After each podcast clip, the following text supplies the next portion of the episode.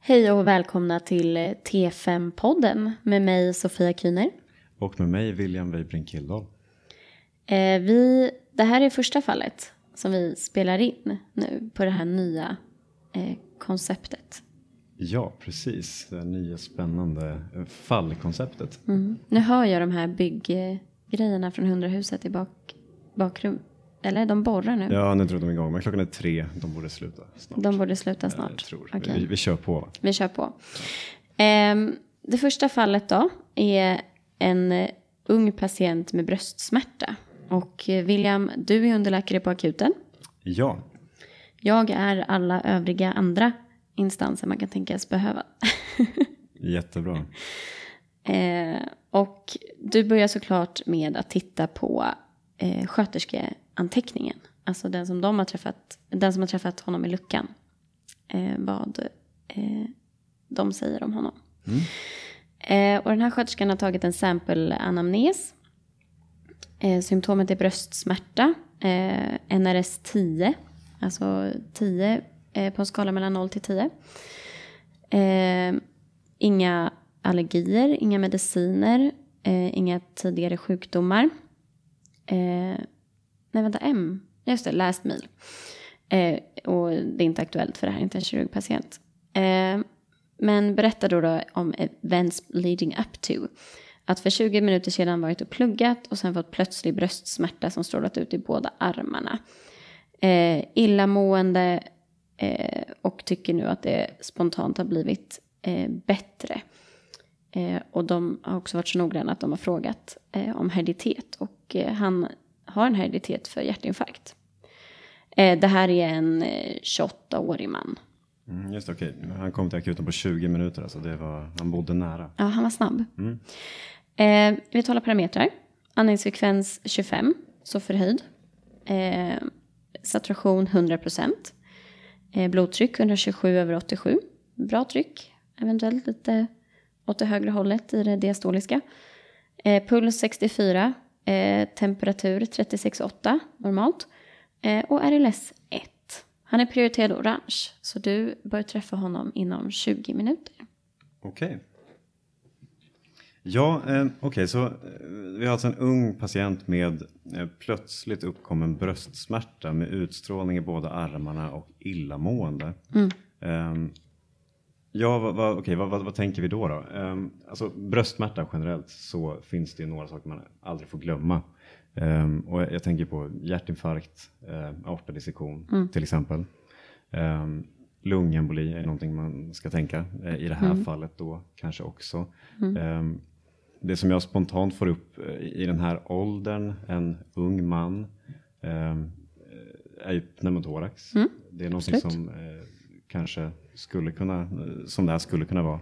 Och kanske eh. speciellt kombinationen tillsammans med det med bröstsmärta och andningsbesvär. Ja, men precis. Akut bröstsmärta och andningsbesvär. Precis, och då, mm. då, då finns det lite olika riskfaktorer man skulle kunna fråga om som eh, om patienten röker mm. och lite så hur kroppsbyggnaden ser ut också. Långa, smala, unga killar har ju mm. högre risk för spontan pneumotorax. Mm. Eventuellt någon bindvävssjukdom. Ja, precis. Mm. precis. Um, det är ju mer sannolikt nu än till exempel hjärtinfarkt skulle jag säga. I alla mm. fall som är uh, ovanligt i den här åldern. Um, ja, aortadissektion låter ju inte så sannolikt heller tänker jag. Um, Ehm, men eh, det får vi inte glömma då framförallt om, om patienter som du, har, som, som, du sa har någon slags bindvävssjukdom mm. så kan det hända i den här åldern också. Så mm.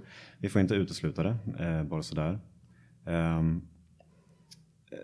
panikångest mm. är inte en orimlig diagnos i den här situationen heller. Mm. Eh, det är ju dock en uteslutningsdiagnos. Vi måste utesluta farliga orsaker innan vi eh, kommer fram till den diagnosen. Ja, och speciellt när någon har hamnat på somatiska akuten och inte har någon tidigare psykiatrisk mm. eh, sjukdom så eh, måste man ju det först. Precis. Mm. Och sen så finns det alltid muskel, alltså muskuloskeletal smärta. Mm. Eh, Olika varianter av den. Beror på, mm. precis. Ja, precis. Mm. Bra, okej. Okay. Tänker du på något mer som du funderar på nu? Eh, nej, Eh, och det är bara att ha de här diagnoserna i bakhuvudet och sen försöka lägga det kliniska pusslet. Mm, Eh, för nu ska du få träffa honom. Okej, eh, du går in och eh, träffar honom och ställer en fantastisk lagom öppen fråga. Och han berättar att han eh, satt och pluggade juridik, eller pl- pluggade på juridiska biblioteket, han läser juridik. Och kom på att han hade glömt skicka in ett väldigt, väldigt viktigt PM för sitt senaste seminarium. Han fick då eh, ganska omgående en känsla av att eh, något sköljde över honom. Eh, han fick svimningskänsla, eh, kände att det började domna i båda händerna och sen så var det som att en elefant ställde sig på hans bröstkorg och att han fick otroligt svårt att andas. Ehm, och eh, det blev eh, ja, riktigt obehagligt. Så därför så packade han ihop väldigt, väldigt fort tillsammans med en kompis och eh, gick hit direkt. Okej, så det, det är det som har hänt nu. Eh, resten då, som, alltså de här kompletterande frågorna, tidigare sjukdomar. Mm. Eh, Okej, okay. han eh, har inga tidigare sjukdomar, tidigare frisk. Eh, men han har sökt primärvården eh, några gånger senaste halvåret eh, för att han har känt sig tröttare än vanligt. Eh, han hade en svullen testikel en gång och sen så har han också testat sig för eh, eh, eh, sexuellt överförbara sjukdomar. Ehm, och ärftlighet kanske du är intresserad av? Ja, ja väldigt. Mm, han har en mamma som är frisk. Eh, pappan är, eh, eller har depression, recidiverande depressioner. Eh, och hade också en hjärtinfarkt vid 57 års ålder. Eh, så det finns ändå någon, en hereditet där. Eh, och har en stora syster som är 28 år och fick MS ganska nyligen. MS-diagnos. Mm. Mm. Ehm, läkemedel, Nej, inga läkemedel. allergier. Eh, inga kända mot kontrastmedel eller penicillin eller andra läkemedel. Nej. Och eh, sociala livet, hur, hur ser det ut för honom i livet just nu? Han är ensamboende, pluggar tredje året då på juristlinjen eh, och har även vissa förtroendeuppdrag i eh, juridiska föreningen. Eh, tränar varannan dag, röker inte men snusar en halv dosa per dag och dricker ungefär tio standardenheter i veckan. Okej, då går vi vidare till status då. Eh, Det var en bra anamnes, eh, Sofia. Vill du ha en OPQRST på bröstsmärtan? Ja, jättegärna. Eh, Lite jättegärna. mer penetrerande den här Ja, bröstsmärtan. ja, men det känns jätteviktigt nu när patienten söker för smärta. Då vill vi ha en smärtutvärdering och OPQRST, tack. Yes. Eh, han beskriver den som tryckande över hela bröstkorgen och eh, kom då plötsligt eh, i samband med den här eh, eh, psykiska ansträngningen eller vad man ska kalla det. Eh, domningarna i båda armarna eh, och sen så och han beskriver det som NRS 10 då på eh, skattad skala. Eh, det höll i sig ungefär 10-15 minuter och sen så har det liksom successivt gått över i samband med att han känner att han har kunnat lugna ner sig. Ehm, Ja, och just nu så känner han att det fortfarande kanske känns lite tungt att andas eh, och han har ont på liksom en specifik punkt eh, som han beskriver precis vid hjärtat. Just det. Ehm, jag, jag har hört någon gång att det här med typisk hjärtrelaterad eller kardiell smärta är att eh, om du har ett större utbrett område, eh, nästan ju större det är över bröstet, central bröstsmärta, då är det mer sannolikt att det är kardiellt. Om det är en liten punkt så talar det snarare för en annan genes, kanske snarare muskuloskeletalt. Um, någonting som jag tagit med mig. Ja, man brukar väl säga det, diffus bröstsmärta liksom, också kardiellt. Mm. Precis. Diffust retrosternal i typfallet. Mm. Eh, Okej, lite status då. När du tittar på honom så är han fortfarande lite snabbare när du noterar liksom en viss eh, eh, orolighet. Han är lite plockig och eh, tar sig för bröstet under liksom, samtalet. Eh, när du lyssnar på hjärtat så låter allting bra. Han eh, har sidlika radialispulsar och en frekvens kring 80. Eh, lungor, eh, normala andningsljud. Eh, nu har andningsfrekvensen gått ner lite till 20 och han saturerar sig fortfarande 100 procent. Eh, du palperar igenom bröstkorgen, vilket man alltid ska göra på bröstsmärta. Eller det är i alla fall en viktig eh, led i utredningen. Eh, och det gör mycket riktigt ont, eh, ungefär i 5. eh, sinister eh, nära sternum. Eh, blodtrycket är likadant i båda armarna, 125 över 85. Eh, och buken är lite öm, diffust i hela buken. Men den är mjuk och ingen liksom, organförstoring eller inga resistenser. Nej, okej. Okay. Mm. Um, ja, um, jag, tänker lite grann att um, någonting som jag skulle vilja fråga om mer angående mm. den här smärtan, är, om smärtan vid den här debuten. Han, han, när man pratar om, som vi sa, typisk kardiell smärta så uh, retrostenal smärta som sitter centralt, ett större område. Um, andningsproblem eller lite känsla av dyspné mm. eh, kommer ofta, men sen också svettningar. Mm. Eh, om, liksom, hade han någon typ av svettningar när det här kom? Eh, nej, eller inga di liksom. Diafores, Nej, precis. Inga vasovagala, Inga eller vasovagala vagala symptom, nej. liksom. Ingen illamående känsla eller Nej, sådär. nej, okej, Nej. ja. Eh, nej, jag förstår.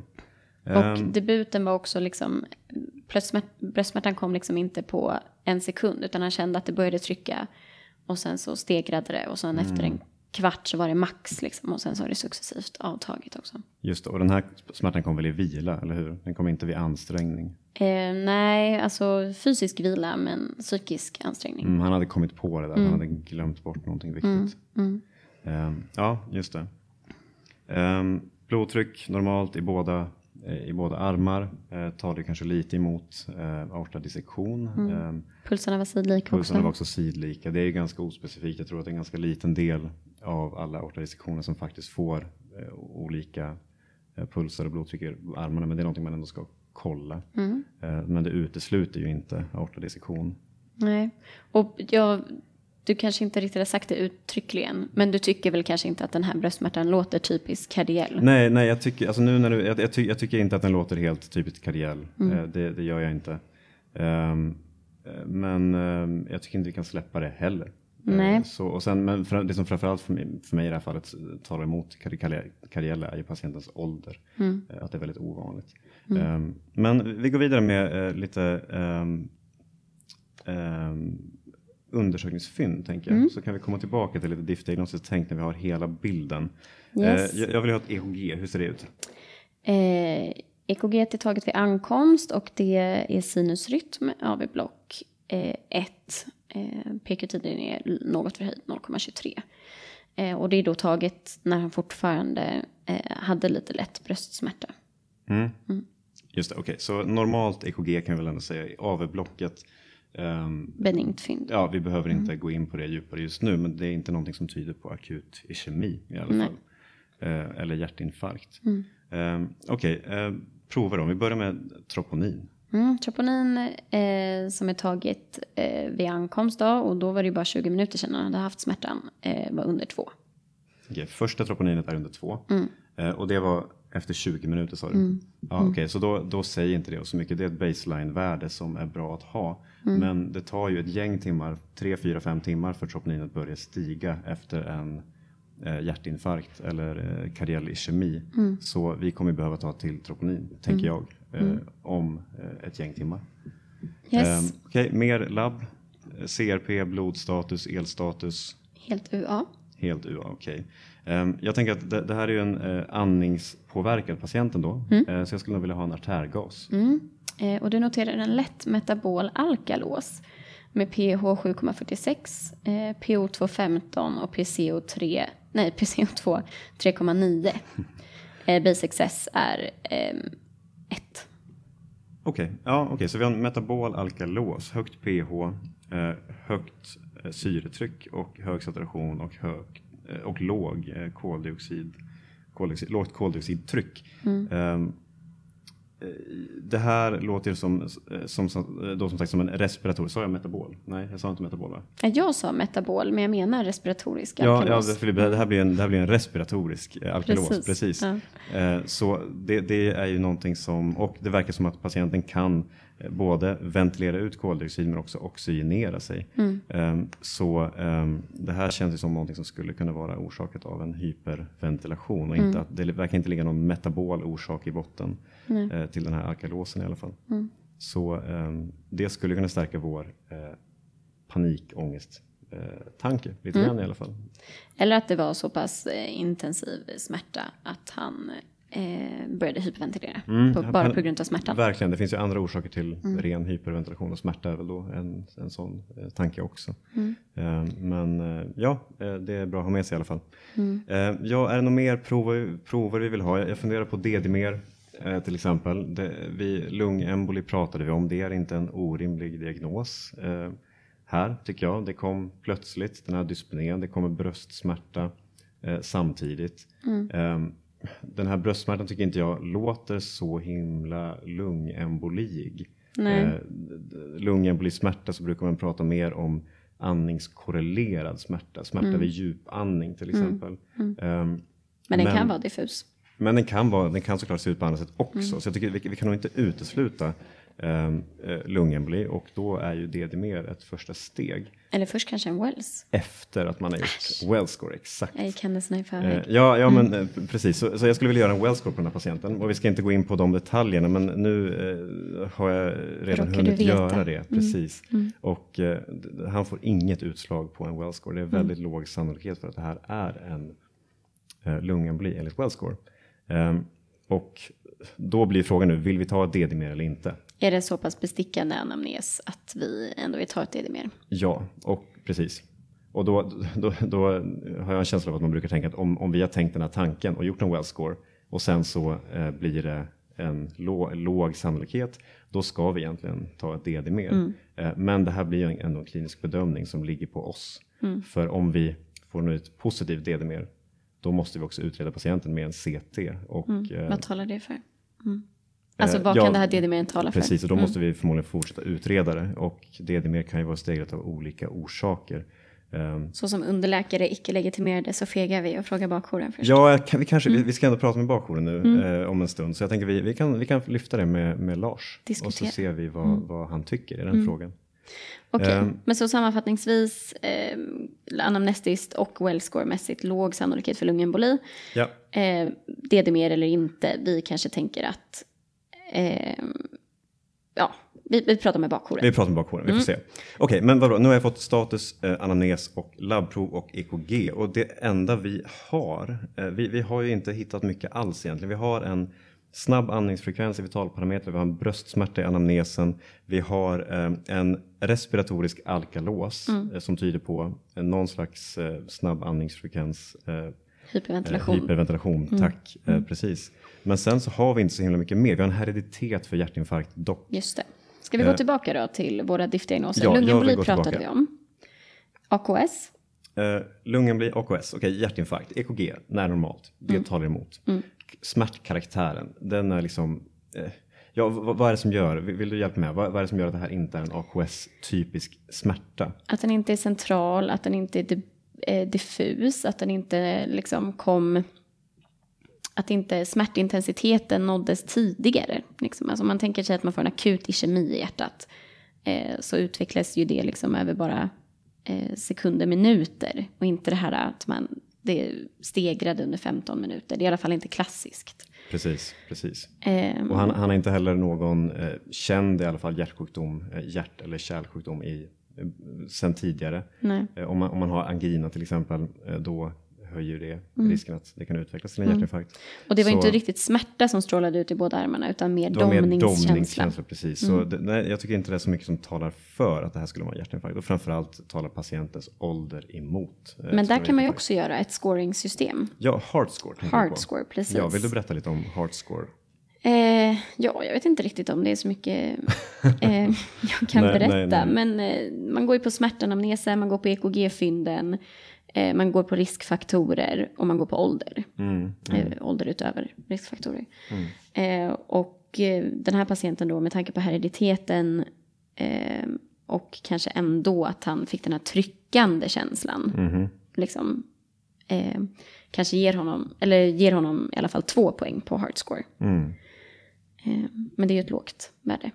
Just det. Man brukar säga under fyra och första troponin efter två timmar som är negativt. Så mm. kan man ju släppa det. Just det. Så, så um, då kanske det ändå blir så att vi vill ta till troponin eller att vi kanske till och med ja, kan vara men just nu. bara för att det var för snabbt eh, taget. Mm. Eh, det har ju liksom inte hunnit stiga. Nej, vi måste vänta lite grann. Så ett nytt troponin vill vi kanske ändå ta. Um, sen en till grej som kanske talar emot att det skulle vara kardiellt. Det här är att han också är palpationsöm i thorax. Det är lite diffus generell palpationsömhet den här patienten verkar ha. Men um, det finns också. Nej, han var ju distinkt öm på en punkt. Ja, ah, det var en punkt. Ja, det var en punkt. Ah, Okej, okay. ah, sorry. Okej, okay. det var en tydlig väldigt inte diffus eh, palpationssmärta på en, en punkt över mm. sternum. Och så det var.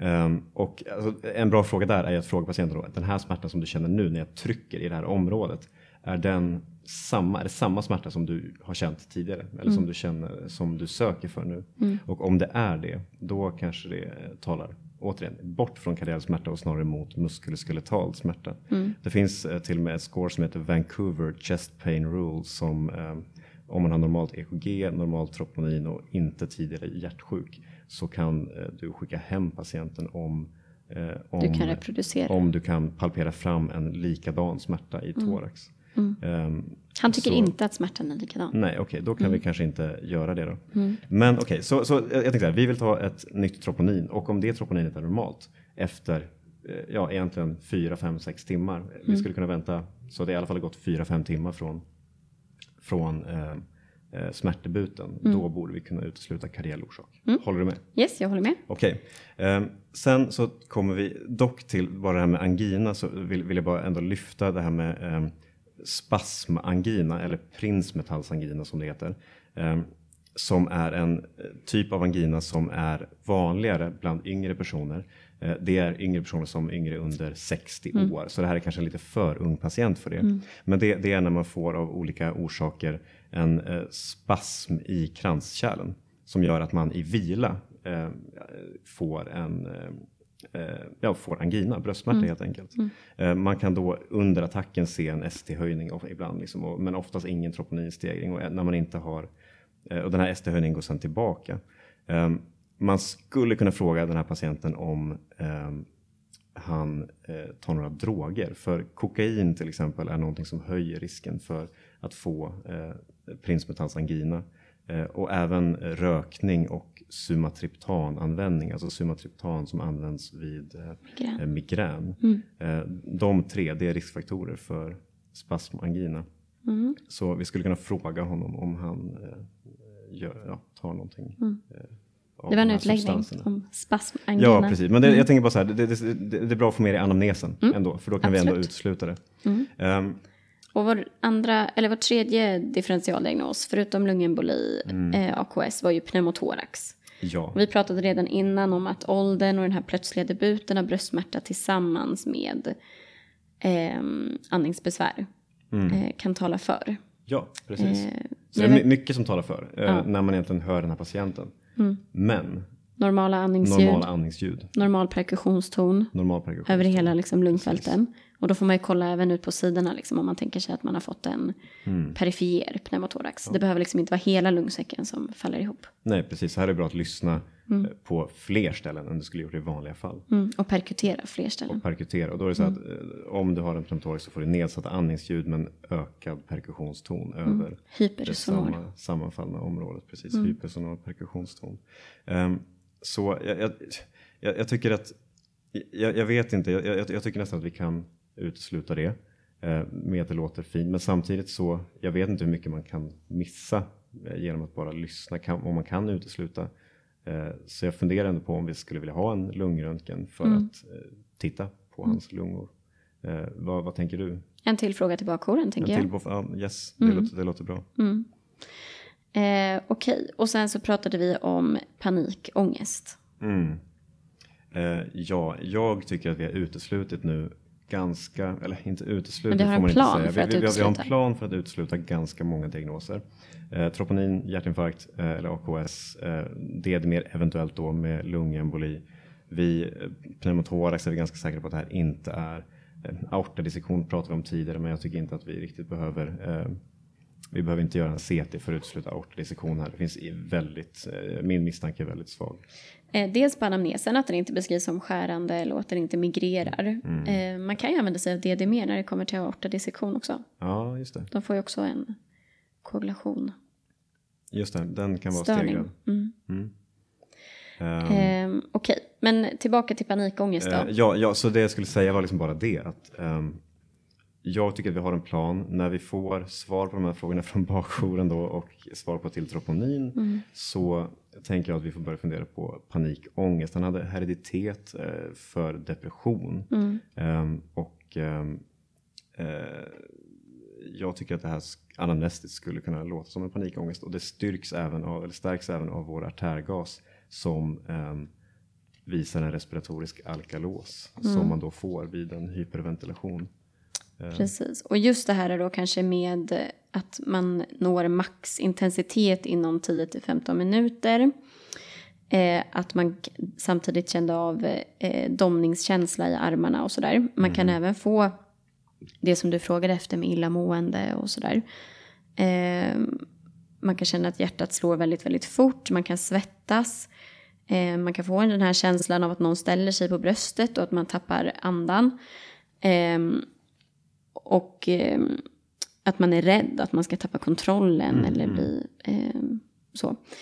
Eh, och det blir ju, när man liksom, om man frågar honom lite mer djupgående om de här symptomen eh, och den här kanske diffusa buksmärtan, det kanske kan vara lite illamående och sådär.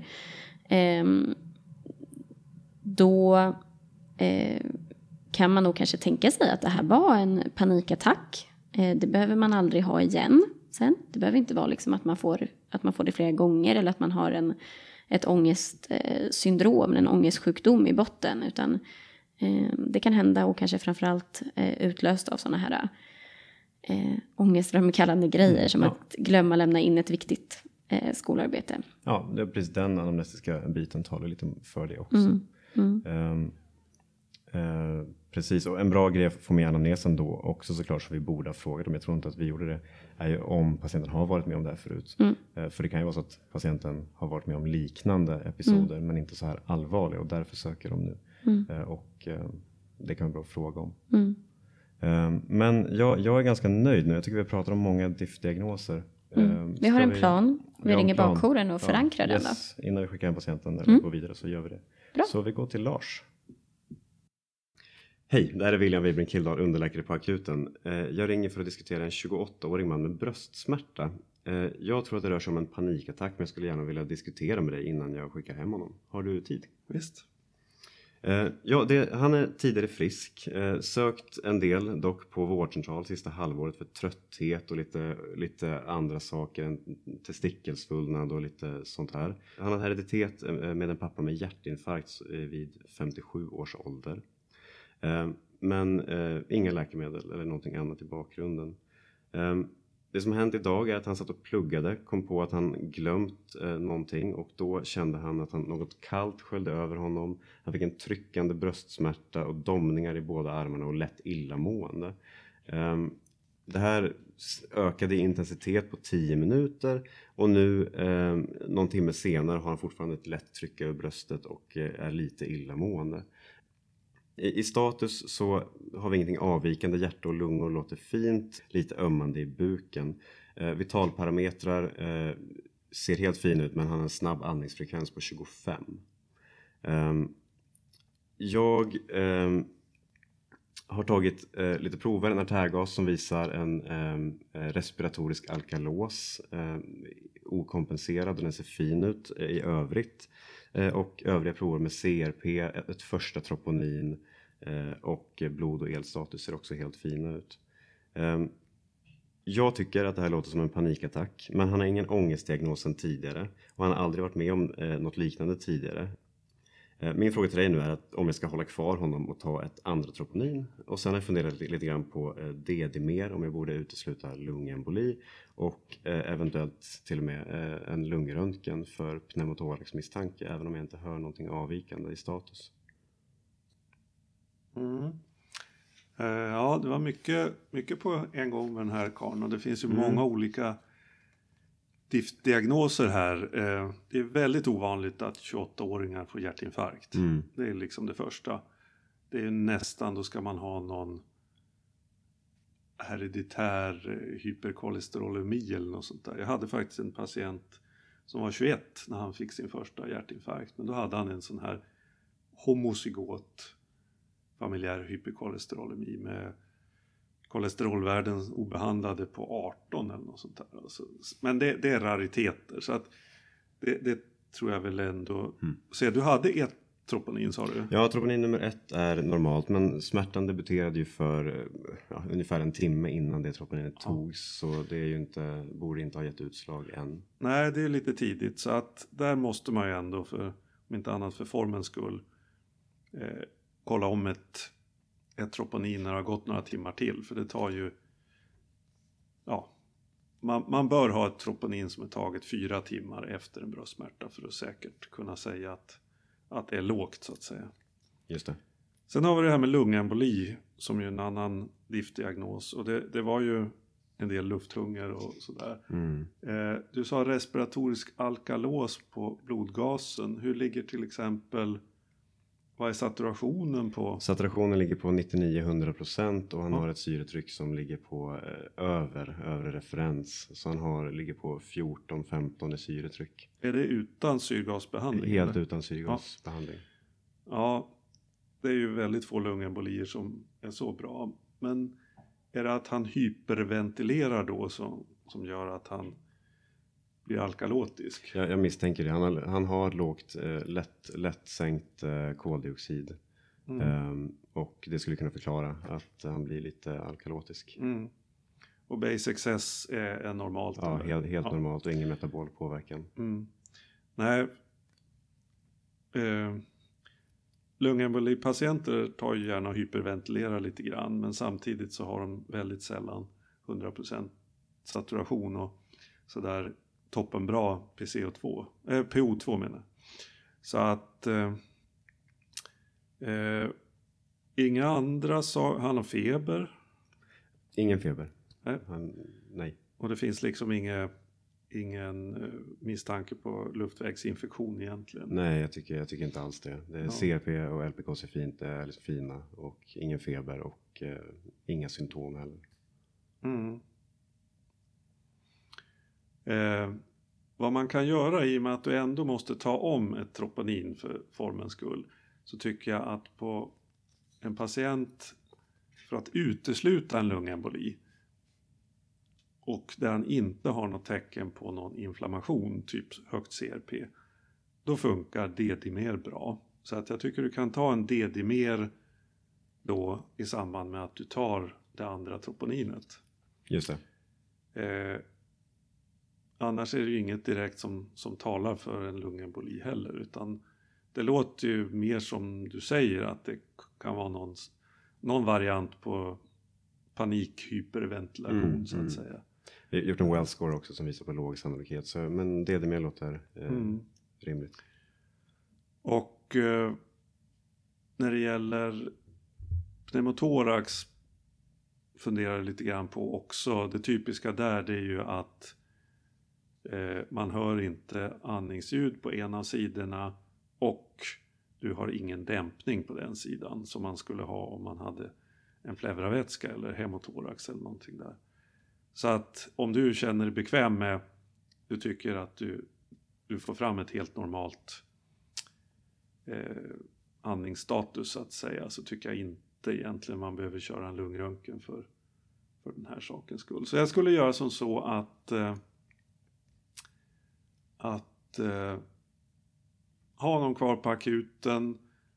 Eh, man kan pröva på en sån här patient som hyperventilerar lite grann om, det nu, om vi nu tror att det är psykogent att man låter honom återandas i en, typ en, en papperspåse. Och, eh, det brukar vara bra, speciellt om man har som de gärna får lite stickningar i fingrarna och sådana här andra tecken på att eh, koldioxiden är låg.